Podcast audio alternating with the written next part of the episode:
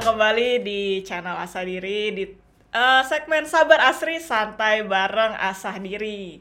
Nah kali ini gue mau ngobrol bareng sama Gili nih. Gili mungkin buat teman-teman yang udah ngikutin Asa Diri pernah ngeliat juga mukanya di awal-awal episode kita.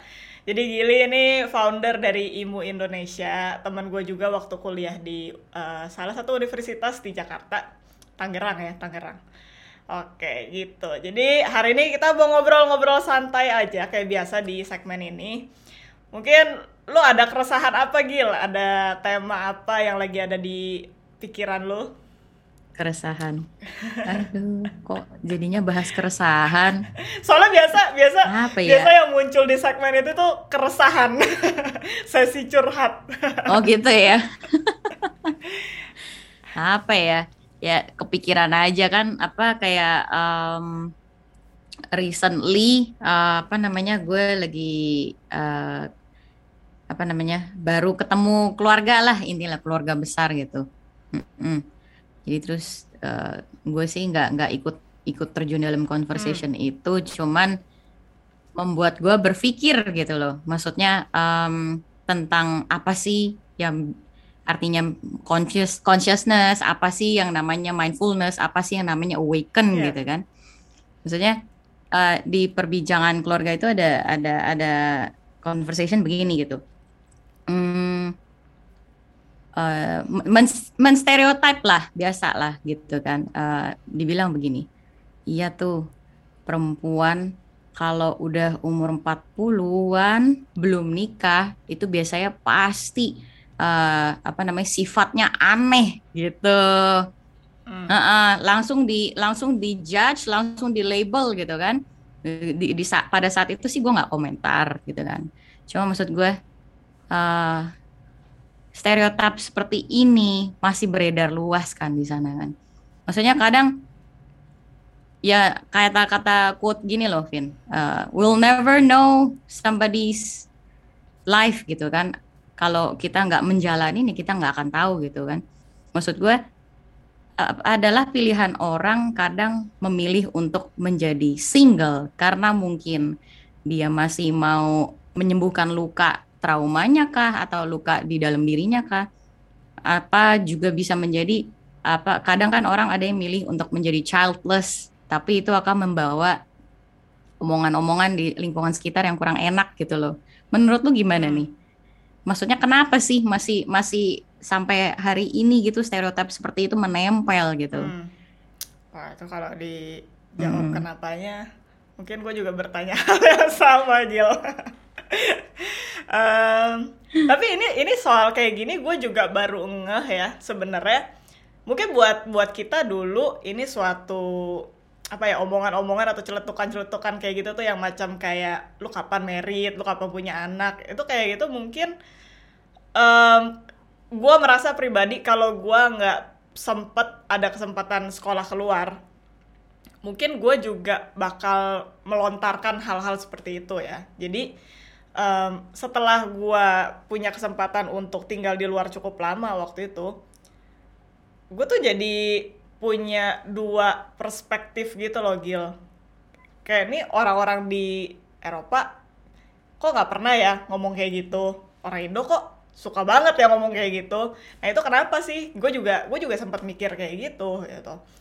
Ya kalau ditanya kenapanya ya gue juga nggak tahu sih. Cuma kalau kenapa itu bisa berjalan sampai sekarang ya mungkin karena banyak orang yang unconscious juga sih sama apa yang mereka ucapkan sama apa yang mereka lakukan gitu. Itu gue juga baru belakangan uh, kayak seminggu ini deh gue juga lihat berita ada satu influencer gitu ya. Dia memutuskan untuk uh, open bahwa dia mau childless. Jadi dia nggak mau punya anak ya. Menurut gue itu kan again hak seseorang ya. Uh, bebas mereka mau hmm. memilih kayak apa. Tapi di di masyarakat kita memang itu terlalu mudah gitu. Mereka terlalu mudah untuk menjudge kehidupan seseorang. Gitu.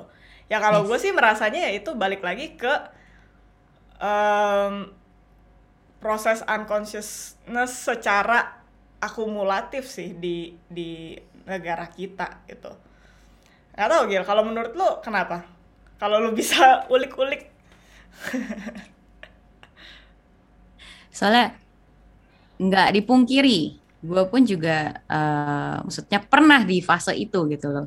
Maksudnya di mana gue melebeli orang gue mengejudge tapi ketika gue uh, sudah menjadi lebih conscious lebih belajar untuk mengerti dan berempati hmm. gitu kan. Maksud gue itu kayak vicious cycle gitu. Setiap manusia itu yang punya orang tua pasti masing-masing punya traumanya masing-masing gitu kan. Mau skalanya besar mau skalanya kecil itu semua namanya trauma. Dan manifestasi dari trauma setiap orang itu berbeda-beda gitu loh. Ada yang pada akhirnya mungkin uh, kayak gue deh contohnya dulu deh. Gue tuh sempet uh, karena orang tua gue itu NPD kalau lu familiar sama NPD mungkin mungkin lu bisa jelasin itu tuh, NPD apa buat kayak teman-teman yang enggak familiar. Narcissistic personality disorder gitu. Jadi memang memang seseorang ini ini pun juga bukan terlahir seperti itu, tapi dikondisikan dari uh, lingkungan keluarga yang membentuk dia gitu loh. Nah, jadi itu uh, salah satu orang tua gue tuh seperti itu. Jadi uh, ada sampai satu fase gue tuh sampai bingung, kebingungan gitu ya kan? Kenapa nih kok begini nih rasanya gitu? Kalau di rumah tuh nggak pernah nyaman gitu kan? Akhirnya sampai ada satu waktu gue pun uh, seek for a professional help. Makanya baru ngerti gitu loh. Ternyata orang tua gue ini NPD gitu hmm. kan. Nah waktu gue nggak ngerti waktu gue nggak tahu kondisi ini gue tuh udah berpikir untuk keluar dari rumah ini adalah dengan cara menikah. Oke. okay Oke, dengan cara menikah dan pasangan yang gue pilih selalu ternyata kurang lebih tuh familiar, ngerti nggak? Fami, apa familiar dengan sosok orang tua gue ini gitu. Jadi apa uh, yang gue rasain tuh orang kalau belum ngehil woundnya dan apa, uh, belum belum belum apa belum let go lah traumanya dia kecenderungan untuk mencari pasangan itu familiarity gitu. Hmm. Dan ternyata partner-partner yang pernah gue cari dulu itu kontrol freak juga gitu loh. Hmm. Mm Dan padahal gue sendiri juga sengsara gitu. Tapi karena pikiran pendek dan tidak unco uh, seperti yang lo bilang unconscious, jadi berpikir oh kalau untuk keluar dari lingkungan ini gue harus nikah. Nikah adalah salah uh, satu-satunya jalan gue untuk keluar dari lingkaran ini gitu loh. Hmm. Dan ternyata setelah gue lewati fase-fase itu, yang punya pengalaman seperti gue kemarin di masa lalu itu banyak dan banyak juga yang udah nikah gitu loh akhirnya. Dan itu kenapa gue bilang jadi vicious cycle. Dia ulang lagi pattern yang sama gitu.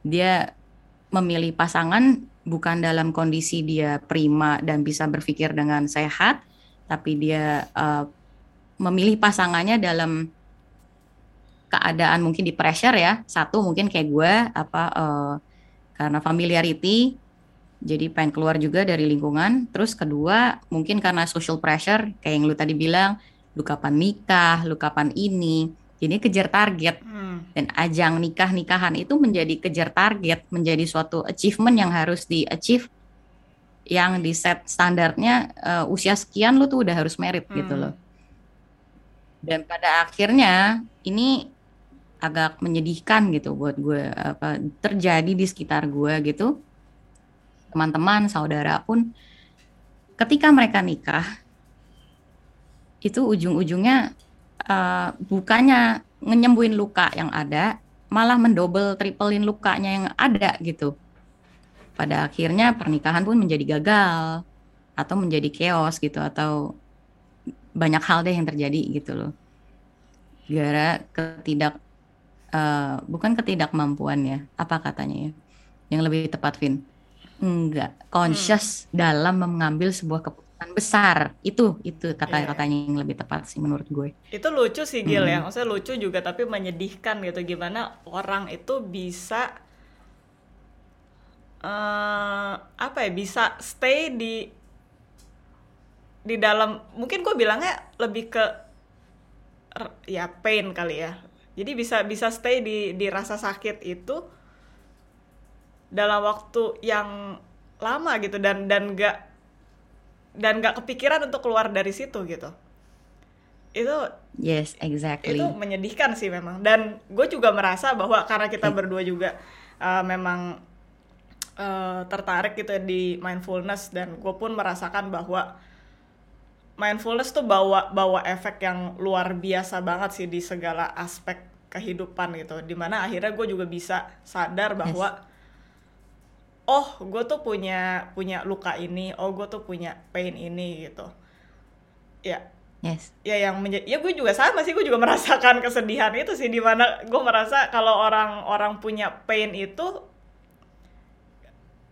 nggak mungkin mereka nggak tahu sih Gil nggak tahu caranya gimana keluar dari situ mungkin mereka pengen ya keluar dari situ Memang betul, betul, betul. Itu itu juga gue rasain gitu. Untuk nge-rip off subconscious program yang udah ditanemin dari lu usia 0 sampai lu udah umur 30-an, 20-an, itu nggak mudah Hmm. gitu. Dan itu untuk mencapai awakening itu juga nggak mudah gitu. Bener-bener nggak Hmm. mudah. Ibaratnya begini sih, gue pernah hmm, dengar sebuah cerita analogi ada orang punya anjing temennya datang gitu kan anjingnya itu eh, lagi di rantai gitu kan lagi di rantai di di di di, di tempat gitu. Nah anjingnya tuh kain-kain mulu. Terus temennya nanya anjing lu kenapa sih sebenarnya kok kain-kain mulu? Biasalah dia mah udah tahu di bawahnya dia tuh dia dudukin paku. Tapi dia juga nggak mau beranjak dari paku itu. Hmm. nggak tahu musim mungkin sampai musim yang sakitnya luar biasa dia baru mau pindah. Tapi anjing itu pun juga udah kain kayak gitu juga nggak kepikiran untuk pindah spot gitu loh tetap didudukin itu pakunya. Hmm. analoginya gitu gitu. Lu pernah dengar nggak Iya, tuh? pernah pernah. Mungkin relate sama ini ya analogi uh, bukan analogi sih ada quote bilang ini kan pain is inevitable but suffering is a choice.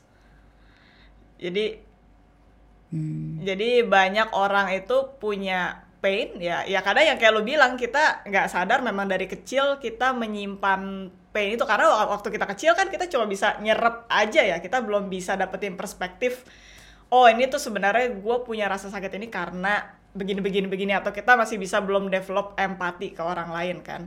Sampai akhirnya kita bawa terus sampai gede nah menjadikan itu suffering ya sebenarnya choice kita sendiri. Kita mau bikin itu jadi uh, hidup yang suffered atau enggak gitu. Tapi again balik lagi ke yang lu bilang itu susah banget sih, men. susah banget. Buat Yes. menyadari kita punya luka apa aja itu susah banget gitu loh. betul Nah, gimana ya Gil? exactly gimana ya biar biar banyak yang bisa uh, sedikit apa ya bilang sadar lebih aware gitu ya Iya. Ya memang sih itu sampai sampai sekarang juga itu masih jadi struggle sih buat gua buat buat tahu exactly apa sih luka yang yang gue punya gitu. Karena kadang itu yang kelihatan kan ya cuma surface-nya aja kan kayak emosi yang keluar tiba-tiba ya tapi lu nggak tahu sebenarnya yang trigger itu apa sih. Karena begitu lu mau yang menjadi susah buat gue tuh ketika lu ketika gua mau kayak trace back ke childhood gua Hmm. itu kan nggak se sepanjang childhood tuh gue bisa inget apa yang terjadi gitu loh Ngerti nggak? kayak waktu gue kecil banget gue kan nggak nggak gitu Hmm. inget apa sih yang terjadi mungkin gue cuma nyerap emosinya aja waktu itu yang terjadi di sekeliling gue tapi buat gue memahami juga dan badan lu pun iya nah mengingat itu ya itu sih badan gue mengingat tapi gue nggak nggak punya memori tuh apa sih dulu yang terjadi gitu tapi ya ya mungkin gue kalau sekarang bisa reflect ke ke saat di mana emosi gue ke trigger ya gue coba bisa tarik eh, benang merahnya aja. Oh biasanya tuh peristiwa yang kayak gini kayak gini kayak gini kayak gini gitu. Tapi ya again gue melihat memang nggak belum banyak orang yang mau mengambil jalan itu gitu sih. Untuk bisa mencari tahu apa sih pain yang mereka punya. bukannya nggak nggak mau sih. Kalau my my personal experience tuh lebih kayak nggak ngerti Ya, dan nggak ada yang nge-guide gitu loh. Ya, Mm, mm, mm, mm, mm. ya iya. Gitu loh. Jadi maksud gue juga gue pun udah melewati fase-fase yang bukannya keluar dari circle itu, tapi masuk. Ya ibaratnya apa sih kayak orang bilang tuh keluar dari kandang harimau masuk kandang buaya gitu loh. Heeh. Iya, gitu iya, kan. Maksudnya, mm-mm. jadi benar-benar tuh penting banget sih gue bilang. Maksudnya kita sadar dengan trauma-trauma atau luka-luka yang ada Hmm. gitu. Terus kita juga berdamai dengan luka-luka itu dan eh di heal dulu gitu loh. Karena gini, ini ini ini sih eh, ada sedikit se- apa cerita, tapi ini juga kayaknya banyak terjadi ya. Ini sih yang di circle gue. Jadi ada orang yang gue kenal gitu, dia mungkin belum awaken, jadi memilih pasangan eh, dengan familiarity. Oke, Eh, by the end mereka harus cerai. Ketika dia remarried lagi, ternyata pasangan yang dia pilih currently itu, kalau kita lihat familiarity juga nggak jauh beda dengan pasangan yang dia pernah pilih Hmm. gitu. Jadi ibaratnya kayak eh, dengan personality yang sama, casingnya aja yang beda. Dan dinamika hubungannya mereka pun sama lagi Hmm. gitu loh. Jadi kan, uh-uh. jadi kadang tuh kalau gua trace back, gua gua lihat, gua gua gua juga mencoba refleksi diri. Ternyata sewaktu gue belum sadar itu semua, ya kayak yang lu bilang, emosi yang kita rasain, mungkin kita nggak ingat certain memory, cuman emosi itu lekat sama kita gitu kan. Jadi ketika kita cari partner lagi, nyari chemistry yang hubungan dinamikanya yang seperti itu, yang outputnya emosi yang kita familiar, Hmm. yang pernah kita rasain. Dan kita jadinya kayak nyaman gitu loh. Padahal meskipun udah nggak sehat, tapi karena nyaman gitu kan. Karena kayaknya biasa deh, memang udah udah wajar gitu. Hmm. Itu kan mindset kita Hmm. gitu loh. Hmm. Hmm. Gitu loh, Vin. Ya. Ya bisa bisa keluar dari cycle itu ya again kalau gue sih selalu percaya emosi negatif itu selalu membawa pesan sih Gil. Jadi kalau misalkan sekalinya ada emosi dari diri lu yang keluar negatif gitu ya. Itu sebenarnya udah jadi chance buat lu untuk reflect gitu, untuk ngelihat apa sih yang terjadi gitu. Nah, cuma ya sering kali itu kita punya emosi negatif yang keluar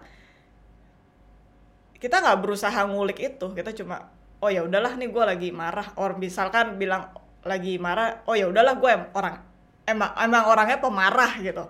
Udah kayak melebeli diri sendiri dulu gitu. Bukannya kayak ngulik apa sih yang bikin gue marah apa sih yang yang bikin cycle ini terjadi lagi gitu padahal sebenarnya itu udah jadi clue Yes. gitu buat lu kayak misalkan tadi contoh eh, relasi lu gitu ya yang menikah dua kali dengan pasangan yang sama personalitinya sebenarnya ketika dia gagal pertama sebenarnya itu udah bisa jadi chance kan buat buat dia melihat apa sih yang salah gitu tapi sering nah Nah, tapi kan maksudnya ada lagi yang namanya codependency Hmm. kan, codependent. Jadi itu kayak eh lu pernah dengar nggak sih addiction itu tuh kayak salah satu manifestasi dari trauma gitu. kata Gabor Mate ya tuh tuh udah udah aja dulu, aja dulu. bapaknya trauma addiction tuh gila iya Iya kan, maksudnya kan bener kan. Kadang kita nggak usah jauh-jauh addiction bentuk makanan aja deh. Kita kalau kesel kita makan, gitu kan. Kita happy kita makan, kita sedih kita makan. Udah kayak adiksi gitu loh. Hmm, Ya hmm, kan? hmm. Jadi yang tadi gue bilang tuh dia meskipun udah apa udah remarried lagi dengan pasangan baru, tapi ya itu dinamika dan chemistry-nya yang ngasilin output emosi yang sama, somehow somehow is addicting Hmm, gitu loh. hmm. sebenarnya cara Hmm. hmm, Dan gue juga pernah di posisi begini. Gue pernah dapat X tuh controlling gitu kan, familiarity dari parent gue yang NPD. Oke. The next the next partner yang gue cari pas gue dapetnya yang kok nggak controlling, gue ngerasa aneh. aneh Ya, kan? itu lucunya makanya menurut gua. Ih. Iya. Kok dia nggak ngekang gue ya? Nggak kayak yang dulu ya gitu kan? Gue sampai. Terus oh gue makanya it knock my sense out gitu kan. Jadinya harus harus ini kenapa nih gue nih? gitu loh. Hmm. kok gue senangnya diikat-ikat gitu malahan. Ma, udah udah udah tahu toxic relationship udah dibuang malah kok pas dapet yang bener gitu mikirnya. Kok gue nggak diikat ya? Kok gue nggak dilarang-larang ya? Hmm. Ya, itu makanya kalau yang kayak ada Gitu. hubungan abusive gitu yang pakai kekerasan kan rata-rata juga kayak begitu kan. Kita dari dari luar kita ngelihatnya lu kok mau sih sama orang yang kayak gitu kan yang mukulin lu melulu tiap Yes. hari tapi ya lu Yes. sebenarnya nggak mau cuma lu emang ya udah biasa berada di situasi itu gitu kan jadi aneh gitu kayak yang lu bilang kalau Exactly. keluar dari hal itu gitu iya sih emang emang lucu sih gue ngeliatnya ya lucu ya lucu dan menyedihkan Malah gue juga pernah ketemu. Iya betul. Gue pernah ketemu apa ini eh, wanita juga udah menikah gitu. Jadi pasangannya memang KDRT gitu. Udah kita yang ngeliatin juga, oh my goodness, ini tuh udah udah physically abusive banget. Tapi kenapa dia masih mau mempertahankan gitu? Dia pembelaannya satu, nggak apa-apa. Ini mah udah biasa. Yang penting dia nggak nyari cewek. aduh Di situ gue pengen nangis, pengen nolong tapi nggak bisa. Ya kan orang kalau mau ditolong kita tolong, tapi kalau orang nggak mau ditolong kita mau nolong malah dibilang maksa gitu kan. Ya begitu deh Hmm. kira-kira deh. eh gimana ya Gil ya melepas cycle itu ya sebenarnya intinya ya cuma lu bisa sedikit lebih conscious aja sih lebih lebih melihat ke dalam diri lu sendiri sih. Ketika lu nggak bisa tahu apa yang lu punya apa yang lu mau ya lu bakal begitu gampangnya di drive sama situasi dan masa lalu lu nggak sih Lebih kayak reaktif ya, nggak responsif Iya, gitu. iya. Nggak mikir dulu Iya. take your time gitu, tapi langsung react, react, react aja terus terutama gitu kalau ya. lu punya punya luka ya atau mungkin lu bisa sebut itu trauma kalau itu udah sangat melekat di diri lu ya kalau lu nggak nggak sadar apa yang lu punya itu tuh udah kayak lu di drive aja kalau tiap kali ada situasi yang nge-trigger lu ya udah em- emosi lu udah ngikut aja lu mau mikir kayak apa pun juga udah kayak otomatis jalan aja itu karena gue juga awal-awal ya kayak gitu berada di posisi itu sampai akhirnya gue ya mulai belajar mindfulness banyak kayak uh, baca-baca terutama Eckhart Tolle sih itu yang paling paling uh, Nah, tapi gua tunggu banget. nih, gue mau nanya nih sama lu nih. Nih hostnya yang ditanya nih. Lu pasti nemuin titik terendah di hidup lu sampai lu mau belok. oh iya Betul Iya. nggak? Atau lu oke, gue pengen belajar aja yang tentang namanya Eckhart Tolle atau Hmm. apa gitu. iya iya Atau benar-benar. gimana? pernah gue udah sampai di titik uh, depres sih bisa dibilang waktu itu karena gue merasa apa yang udah gue bangun tuh hilang begitu aja gitu nah tapi itu nggak langsung related ke luka yang sekarang ini pengen gue sembuhkan ya cuma uh, memang titik Yes. itu yang akhirnya membuat gue berusaha untuk mencari bantuan lah gitu. Gimana ya gue bisa keluar dari rasa depres ini? Dan dan mungkin buat em, ini mungkin sedikit apa ya gue nggak tahu berbahaya atau nggak gue ngomong ini. Waktu itu gue merasa bahwa eh, agama tidak bisa menolong gue lah gue waktu gue waktu itu merasa kayak gitu Sa- sampai akhirnya makanya gue kayak nonton nonton motivational video eh, ya yang kayak gitu gitulah yang yang intinya bisa membantu gue keluar dari rasa depres itu. Nonton nonton yang kayak psikolog psikolog gitulah motivasi dari psikolog orang apalah gitu.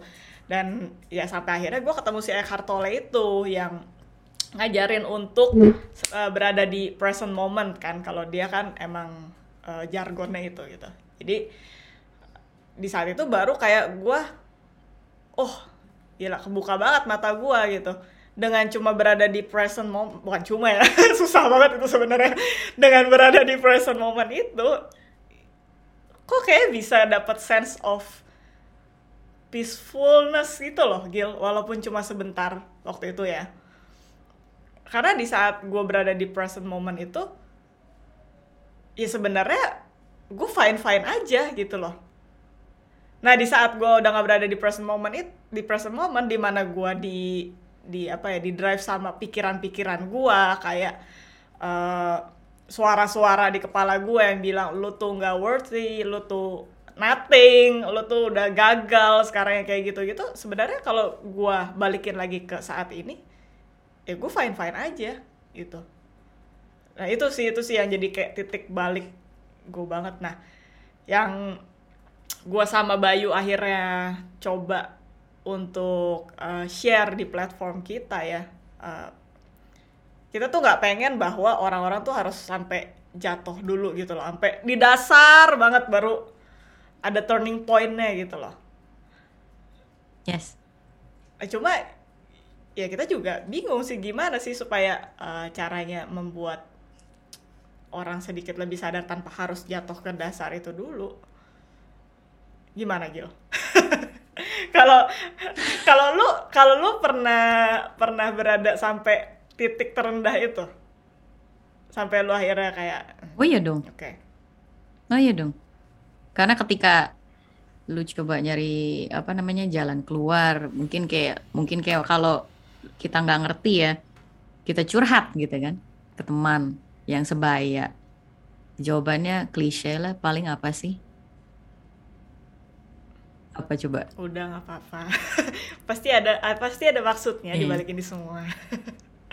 ya, betul. Itu salah satunya gitu kan. Atau udahlah ngertiin aja gitu kan. Udahlah ngalah aja gitu kan. Sedangkan mental kita udah di damage terus dan menerus hmm. gitu loh. Ya kan? Hmm. Nah, makanya gue kenapa sampai seek for a professional help biar maksudnya dengar opini dari si profesional oh ternyata tuh gini gini gini gini gitu. Itu pun baru tercelik sedikit gitu belum menerima ke kenyataan. Hmm. gitu. Nah pada akhirnya yang benar-benar membuat gue turning point tuh di pas gue di uh, teman gue bilang ada salah satu teman gue bilang lu coba deh ambil uh, programnya Satguru yang namanya Inner Engineering hmm. dan pas kebetulan waktu itu pandemi online kan. Jadi gue ambil, gue coba dengerin, wow itu tuh bener-bener mata gue terbuka, pikiran gue tercelik, hidup gue berubah menjadi 180 derajat berbeda, hmm. perspektif gue pun menjadi berbeda, uh, apa kadar empati gue pun berubah, gitu loh. Jadi ketika orang mendapatkan masalah atau datang ke gue gitu, gue udah Oke, okay, hear them out, nggak ngejudge, dan coba mengerti gitu loh. Coba coba ngajak mereka untuk berpikir pelan-pelan gitu, instead of mengeluarkan kalimat-kalimat yang klise, udahlah, masih ada yang lebih susah dari lu. Hmm. Hmm. Yang seperti itu, yang seperti itulah. Hmm. Hmm. Gitu. Hmm. Kalau gue sih ngerasanya waktu itu uh, apa ya? Balik lagi ini gue menjauhi yang namanya self love sih kenapa gue waktu itu suffered gitu ya karena gue again terlalu banyak mikirin apa sih yang yang orang lain pikirin gitu dan gue nah. terlalu um, terlalu kekeh gitu pengen ciptain image di mana gue ini bisa dihargai oleh orang lain gitu atau gue ini bisa punya image uh, oke okay lah di di mata orang lain. Itu sih yang waktu itu bikin gue suffer gitu. Dan begitu gue melepaskan itu ya sebenarnya balik lagi ke mungkin relate ke ke apa yang lu ambil tadi inner engineering ya. Lu harus kulik dulu apa yang ada di diri lu gitu.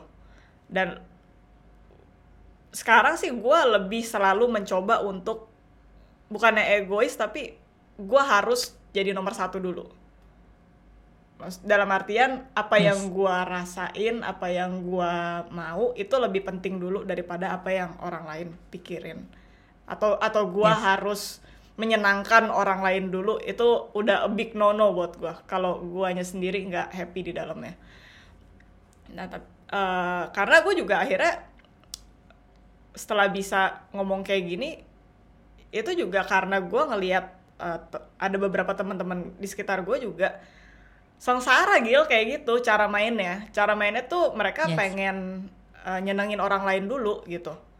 Terutama uh, big problem tuh menurut gue untuk nyenengin orang tua itu big problem banget sih.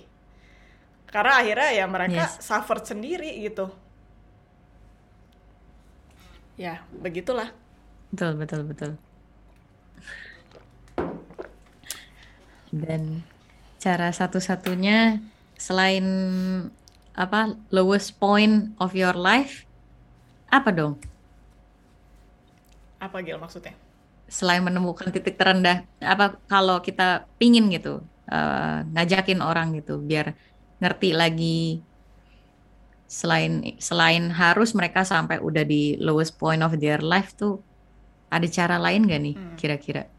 Gue sih selalu apa ya menurut gue penting buat reflect ke diri lu sendiri gitu. Reflect ke kehidupan lu. Di saat ini ya kalau kalau ada yang dengerin gitu. Um, coba lu lihat lu tuh dalam hidup happy nggak sih? Maksudnya ya happy mungkin juga kata yang kata yang uh, apa ya terlalu cetek kali ya. Maksudnya lu lu merasa ada aspek dalam hidup lu yang membuat lu terganggu nggak sih? Atau lu ya udah enjoy enjoy aja menjalani hidup ini gitu. Karena kan ya ya nggak semua orang nggak semua orang menderita gitu kan. Ya pasti banyak lah orang juga yang konten sama hidupnya gitu enjoy aja sama hidupnya. Gitu ya. Coba lihat dulu hidup lu lu scan gitu hidup lu dari segi uh, relationship lu bermasalah nggak? Atau dengan lu berhubungan dengan orang lain lu bermasalah nggak? Lu sama diri lu sendiri lu merasakan ada yang bermasalah nggak? Ya menurut gue itu lu mesti scan diri lu sendiri dulu sih. Kalau lu fine fine aja dengan hidup lu ya ya udah. Nothing to say gitu. Dari situ baru lu bisa hmm, dapat clue hmm, gitu kan. Apa sih yang yang yang gue nggak suka atau apa sih yang bikin gue biasanya nggak happy itu ya kalau dari gue sih gitu. Hmm. kalau lu? Hmm. karena balik lagi di circle gue gue bilang gue lihat beberapa orang kayak begini kayak begitu. Juga ada yang maksudnya sakit mesti sampai sakit keras gitu kan. Dan balik lagi iya penyakit itu kan memang pertama pasti dari lifestyle gitu kan tapi penyakit-penyakit yang seperti autoimun, yang seperti cancer, ya kan? Itu kan sebenarnya penyebabnya bukannya yang kayak oke okay, kalau diabetes kan oke okay, lifestyle karena lu makan hmm. gula kebanyakan jadi diabetes gitu kan. Tapi kalau kayak autoimun atau uh, cancer gitu, ya kan kadang cancer cancer yang berat-berat misalnya cancer darah atau cancer apa nggak ada yang tahu gitu apa uh, penyebabnya. Mungkin genetik bisa, tapi kan maksudnya uh, lu pernah dengar gak sih setiap tubuh manusia itu memang ada cancer, apa sel kansernya gitu. Tapi cara ngaktifinnya gimana? Ya pertama pasti pola hidup harus sehat gitu kan. Nah yang kedua, ini gue pernah ngebahas sama sama salah satu psikolog anak juga. Dan kalau lu familiar sama ini si Bruce Lipton, hmm dia kan bikin dokumenter itu di, di, di apa The Hill judulnya.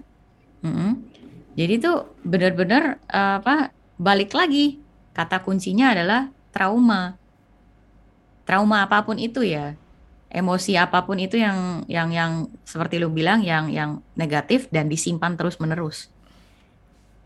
Gitu itu ternyata kalau kita sendiri tiap hari punya pemikiran tuh fight or flight, fight or flight terus-terusan, reaktif terus-terusan, itu kan micu hormon-hormon yang kurang baik, hormon-hormon stres selain apa kayak kortisol dan hormon-hormon stres yang lain gitu.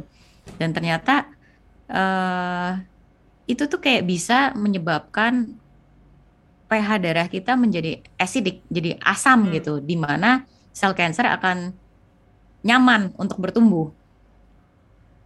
Nah, ataupun meskipun bukan cancer, penyakit lain juga lah bisa lah gitu, autoimun dan sebagainya gitu. Hmm. Mm -mm. Jadi maksud gue tuh itu udah jadi indikator buat kita gitu loh. Ini indikator jadi buat kita atau apa uh, cari tahu lagi apa sih nih ada kepahitan apa sih nih yang gue carry sampai hari ini sampai nyebabin gue punya penyakit seperti ini. Hmm. Hmm. Gitu loh. Hmm. Iya sih. Dan ternyata orang-orang yang di sekitar gue itu setelah ngobrol sama gue gitu uh, mereka juga coba cari uh, terapi terapi gitu dan sama somehow ini gue pernah dengar dari salah satu kerabat gue gitu dia ngomong ini ini ini uh, dia pernah mention uh, kan jadi ada salah satu kerabat kita juga uh, terkena cancer ov, ov, ovarium ovarium nah terus dia bilang ternyata dia belajar dari guru meditasinya kalau perempuan uh, terkena penyakit yang berhubungan dengan uh, reproduksi, alat reproduksi, biasanya punya hubungan yang kurang baik dengan uh, figur ibu, hmm. Motherly figure gitu. Hmm. Dan itu di situ gue juga jadi kayak, wow, gitu loh. Maksudnya kalau sampai kita ada penyakit apa, kita bisa dari sana coba cari rootnya apa gitu. Hmm, interesting. Jadi ya, uh -uh. itu tuh bener-bener bikin gue, huh gitu. Memang kan kalau lu ngikutin TCM, traditional Chinese medicine hmm. gitu ya, kan memang kalau mereka kan eh, dulu ada catatan-catatannya gitu kalau orang yang penyakit ginjal karena dia fear berlebihan. Orang kalau penyakit apa berlebihannya di mana emosinya. Jadi selalu berhubungan dengan lima elemen ya. Kalau nggak salah tuh kayak api, air, uh, udara dan sebagainya. Jadi setiap setiap organ tubuh kita itu menyimpan emosi berbeda-beda gitu. Yeah, Jadi yeah. kalau ada yang berlebihan akan merusak salah satunya gitu. Yeah, Jadi ya bener-bener hari ini sih gue percaya orang-orang yang punya penyakit yang mungkin hmm, seperti apa autoimun dan cancer dan mungkin ada yang penyakit-penyakit lain itu relate banget sama emosinya sendiri. Hmm. Might be unresolved trauma atau might be stres yang berlebihan. Hmm. Iya, itu hmm. menarik sih. Hmm. Gue juga percaya maksudnya um, emang kita itu kan di dalamnya isinya energi semua ya Gil jadi gimana kita develop energi kita ya memang itu nanti akan result ke termanifestasi lah gitu istilahnya lo kalau nyimpan energi apa energi negatif ya mungkin akan termanifestasi ke ya let's say si penyakit itu gue sih dulu uh, maksudnya ini kan hal yang mungkin kalau kita omongin agak kontroversial ya karena kita kan masih percaya juga bahwa penyakit itu ya ada ada ada ilmu sainsnya lah gitu ya. Kalau ini kan ngomongin energi aura kayak gitu gitu kan masih kayak hal yang ya mungkin nggak make sense buat beberapa orang gitu kan. Cuma kalau gue merasakan itu sendiri sebenarnya bisa dites sih. Kalau gue kalau gue lagi punya beban atau merasa overwhelmed gitu ya lagi stres itu tuh gue pasti fatigue banget di sini di pundak. Tegang tegang, tegang banget. Atau mungkin let's say kalau misalkan gue lagi nervous gitu ya lagi ada rasa anxiety gitu itu biasanya gue di di bagian perut itu langsung bereaksi gitu. Kayak kalau mau konser oh. gitu ya dulu kalau mau konser wah itu either mulas atau pengen pipis terus kayak gitu-gitu. Maksudnya jadi gue juga melihat kayak ada relasinya gitu dari dari apa yang gue rasakan sama apa yang terjadi di tubuh gue gitu. Terus sampai akhirnya gue kayak belakangan kan uh, lumayan rutin meditasi gitu kan. Lebih jadi lebih uh, bisa tenang gitu loh kalau misalkan ada kayak anxiety yang muncul atau gue punya worries itu biasa kan gue balik uh, balik lagi ke present moment dengan cara ngalihin perhatian ke nafas kayak gitu-gitu itu benar-benar langsung ngefek banget ke tadi ke menghilangkan ketegangan-ketegangan yang terjadi di tubuh gua gitu sih. Jadi gue merasa memang itu sangat related gitu. Kondisi mental lu sama kondisi fisik lu itu udah kayak interconnected gitu.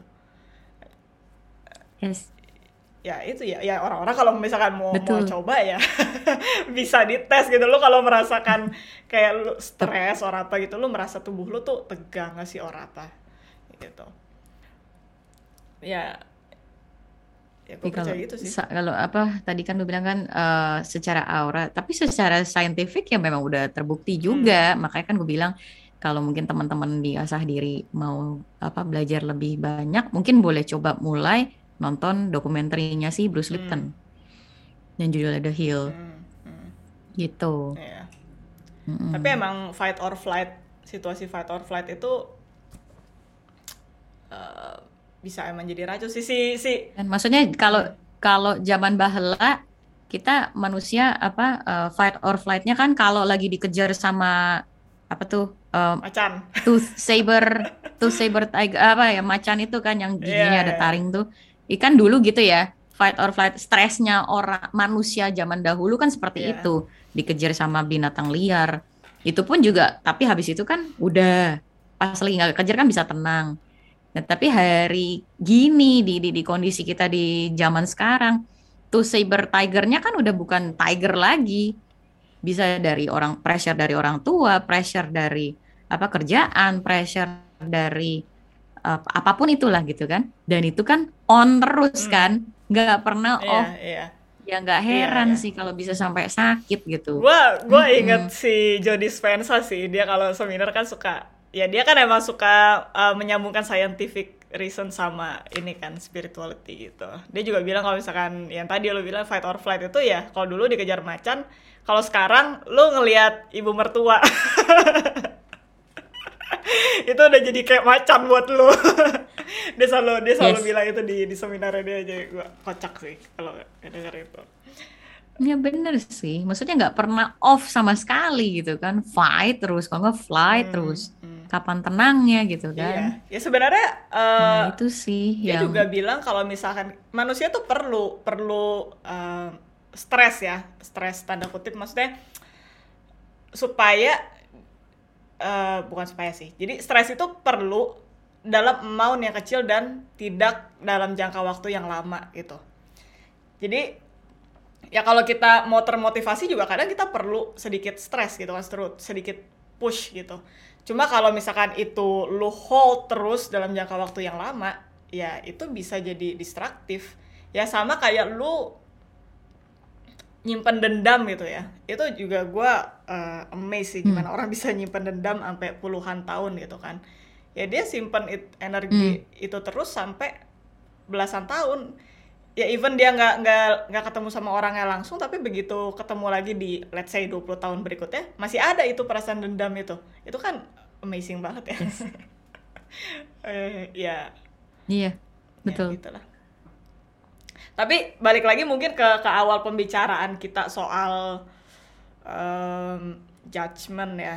Judgment sama stereotype itu memang menurut gua suatu hal yang mesti di break di society sih emang Gil. Karena kan Stop Iya. pressuring other people karena ya. kan memang di mindfulness juga kita diajarkan untuk non judgmental kan. Dan sebenarnya dengan stereotype itu kita kan justru juga jadi membangun kotak-kotak nggak sih? Jadinya kita semakin jauh dari yang namanya unity. Kan? Jadi ya menurut gue i- Exclusivity iya, jadinya. itu yang mesti di break sih di terutama di Indonesia ya terlalu banyak celetukan-celetukan yang menurut gua yang gak ada meaningnya lah. Membuat Nggak ada mental meaningnya. health-nya. Ya udah gak ada meaningnya dan Ah. dia menyakiti orang lain gak sih ya kayak celetukan yang tadi Yes, aja betul. ya Yes. Betul. Betul, betul. Hmm. ya mungkin Dari kata-kata ya itu bisa bikin orang termotivasi, bisa bikin orang sampai drop serendah-rendahnya.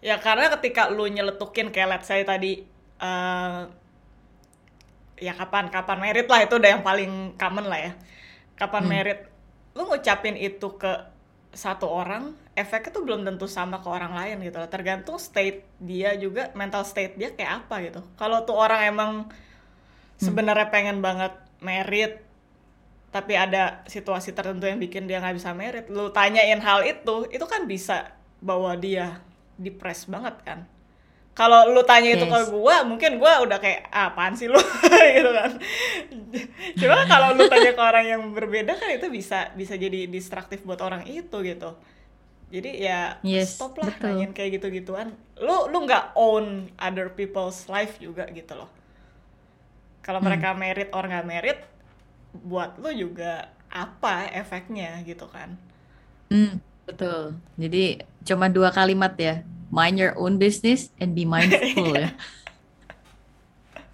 ya gitu emang Iya kan? Maksudnya ya kadang ya gitu ya. Apa maksudnya stop pressuring other people yang kayak tadi lu bilang orang udah mutusin dengan consciously nggak mau punya anak dikomentarin juga Hmm. gitu kan. Tapi Kalau orang sampai consciously ngambil sebuah keputusan kan itu bukannya bodoh-bodohnya dia ngambil keputusan tanpa mikir gitu. Pasti kan udah pertimbangannya apa dan dia tahu apa apa, apa kapasitasnya dia seperti apa Hmm. gitu Hmm. kan.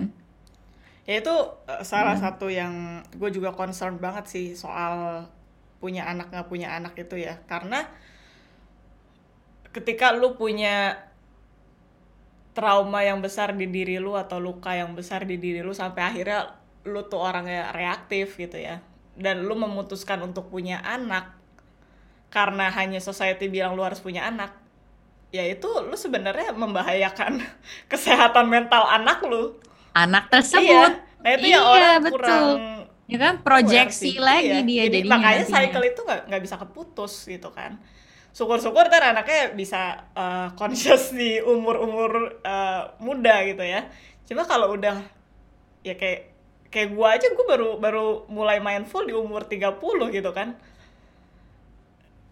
yang but still good Yeah, still, still good, good, but I mean like ya selama 30 tahun hidup gua kan ya gua menyerap em, apa ya luka dan trauma yang yang sebenarnya semestinya ya bisa dihindari gitu. Kalau kalau orang tua kita bisa lebih mindful lagi gitu. Nggak menyalahkan orang tua juga karena mereka nggak mindful karena ya itu betul. juga ada jalannya masing-masing lah mereka ya. Mereka sendiri juga punya lukanya Iya. mereka sendiri dari orang tuanya makanya itu mereka. kan makanya jadi generational problem gitu kan.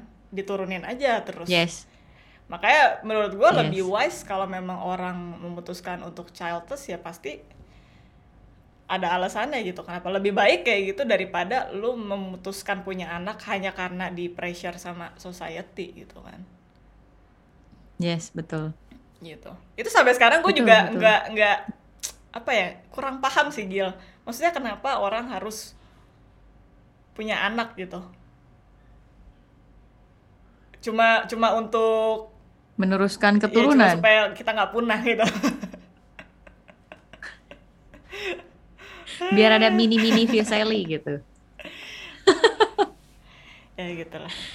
Aduh, ya itu makanya kan balik lagi gue karena profesi gue edukator gitu ya. Jadi ketika gue melihat kejadian nyata di depan gue karena posisi gue cuman guru musik mereka ya gue juga nggak bisa mengikut campuri Hmm. kan.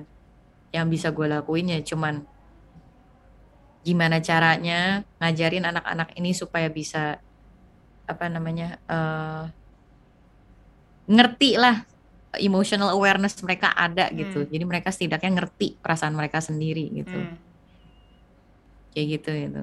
Bahkan gitu gue tuh entah gimana kayak apa ya? Magnet-magnet anak-anak yang mungkin magnet anak-anak yang eh, kurang diperhatikan gitu bisa dibilang Iya. gitu. Karena kasihan sekali gitu loh mereka. Mungkin secara financially, mungkin secara materi mereka disupport dengan sebegitunya. Cuman kadang tuh apa yang mereka butuhkan tidak terpenuhkan Hmm. gitu. Hmm. Ya. Ini sih bener-bener kalau buat gue jadi kayak PR gitu. Ya. Ya anak tuh bukan bukan kayak lu main Hmm. tamagotchi gitu loh. Gil. Bukan Iya. cuma lu kasih makan, lu mandiin gitu kan, lu sekolahin. Ya bukan cuma itu gitu loh. Hmm, Mungkin hmm. mungkin materi itu bisa bikin mereka seneng ya let's say berapa menit gitu cuma itu nggak long lasting yes yes gitu ya itu juga juga gue juga concern Bener, banget sih bener. memang soal itu karena dari anak yang bisa eh, stabil secara emosional ya kalau banyak anak-anak yang kayak gitu ya itu sebenarnya juga akan berdampak secara apa ya lebih lebih lebih luas lah gitu. Kesadaran itu juga nanti bisa lebih luas gitu. Kan semuanya berawal dari dari Benar. anak-anak gitu kan. Ya begitulah. Betul. Gimana ya Gil? Bingung gimana ya Gil? Ya, makanya misalnya itu jadi concern gue ya itu cycle itu akan diulang terus menerus nanti anaknya begitu lagi berkeluarga dan begitu lagi dan begitu lagi hmm, mau sampai kapan gitu loh hmm, hmm. ya kan kalau nggak ada yang memutuskan cycle itu Hmm. Jadi apa nih Gil take-nya Mm-mm. kita hari ini? Makin bingung. ya ya apa pun siapa pun kalian yang mendengarkan mungkin ya balik lagi yang kayak gue bilang be mindful nggak ada omongan lain lagi Hmm. apa pun profesi kalian ya do your best ya kan entah kalian itu guru atau entah kalian itu mungkin ibu rumah tangga atau apa pun itu sadarinlah luka-luka kalian gitu dan jangan diproyeksiin lagi ke anak-anak lagi Hmm. gitu Hmm. karena kasihan gitu mereka tuh kalau kalau dijadiin bahan proyeksian terus dan menerus ke depannya nggak akan hidup bahagia Hmm. Hmm. gitu Ya sama stop inilah being judgmental juga ke orang lain ya. Karena Hmm. ya karena kayak yang lo bilang tadi, lo tuh kalau ngelihat orang juga apalagi kalau lo baru kenal lo cuma tahu paling 0,0000 sekian persen tuh Yes. orang tuh isinya apa gitu. Ya lu lu nggak pernah Ya. tahu dia background even buat lu apa yang dia lakukan tuh negatif nggak ada menurut gua nggak ada orang yang terlahir eh, apa goal hidupnya atau purpose hidupnya itu buat melakukan hal yang buruk gitu ya. Hmm. pasti kan semuanya itu termanifestasi dari pengalaman masa lalunya dia sampai dia bisa melakukan hal yang menurut lo mungkin tidak baik gitu. Ya itu balik lagi numbuhin iya terkondisikan numbuhin empati juga sih gimana lo bisa ngelihat orang itu tanpa judgement dan netral gitu. Sulit sih memang karena ya again ya mindfulness practice ya Gil ya namanya. Harus dilatih dilatih gitu. Dan semuanya juga bisa lo latih ke orang lain kalau lo juga bisa ngelatih itu ke- buat diri lo sendiri dulu. Gimana lo bisa kasih empati ke diri lo sendiri dulu. Betul. Ya ya, Betul, ya betul harapan kita ya bisa punya dunia yang lebih damai lah ya. Orang-orangnya. Amin. Ya begitulah ya. celotehan kita hari ini. Kalau ada celotehan-celotehan berikutnya monggo datang lagi Gil. Di di segmen ini. Dengan senang hati kalau di invite mah. Kalau lu dari lu sendiri Gil ada em, ada rekomendasi atau referensi buat misalkan kayak teman-teman yang pengen ya mengenal mindfulness lebih dalam lagi gitu.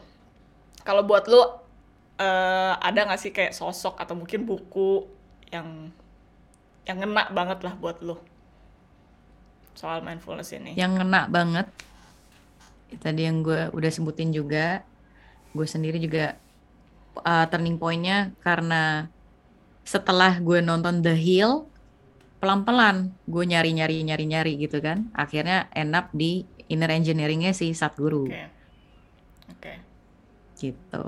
Sip. Ya, cuma kalau teman-teman di sini mau coba ya monggo nonton. Di Netflix ada kok. Di Netflix ada dokumenterinya The Hill. Sip. Ntar gue tulis di deskripsi deh buat teman-teman yang tertarik.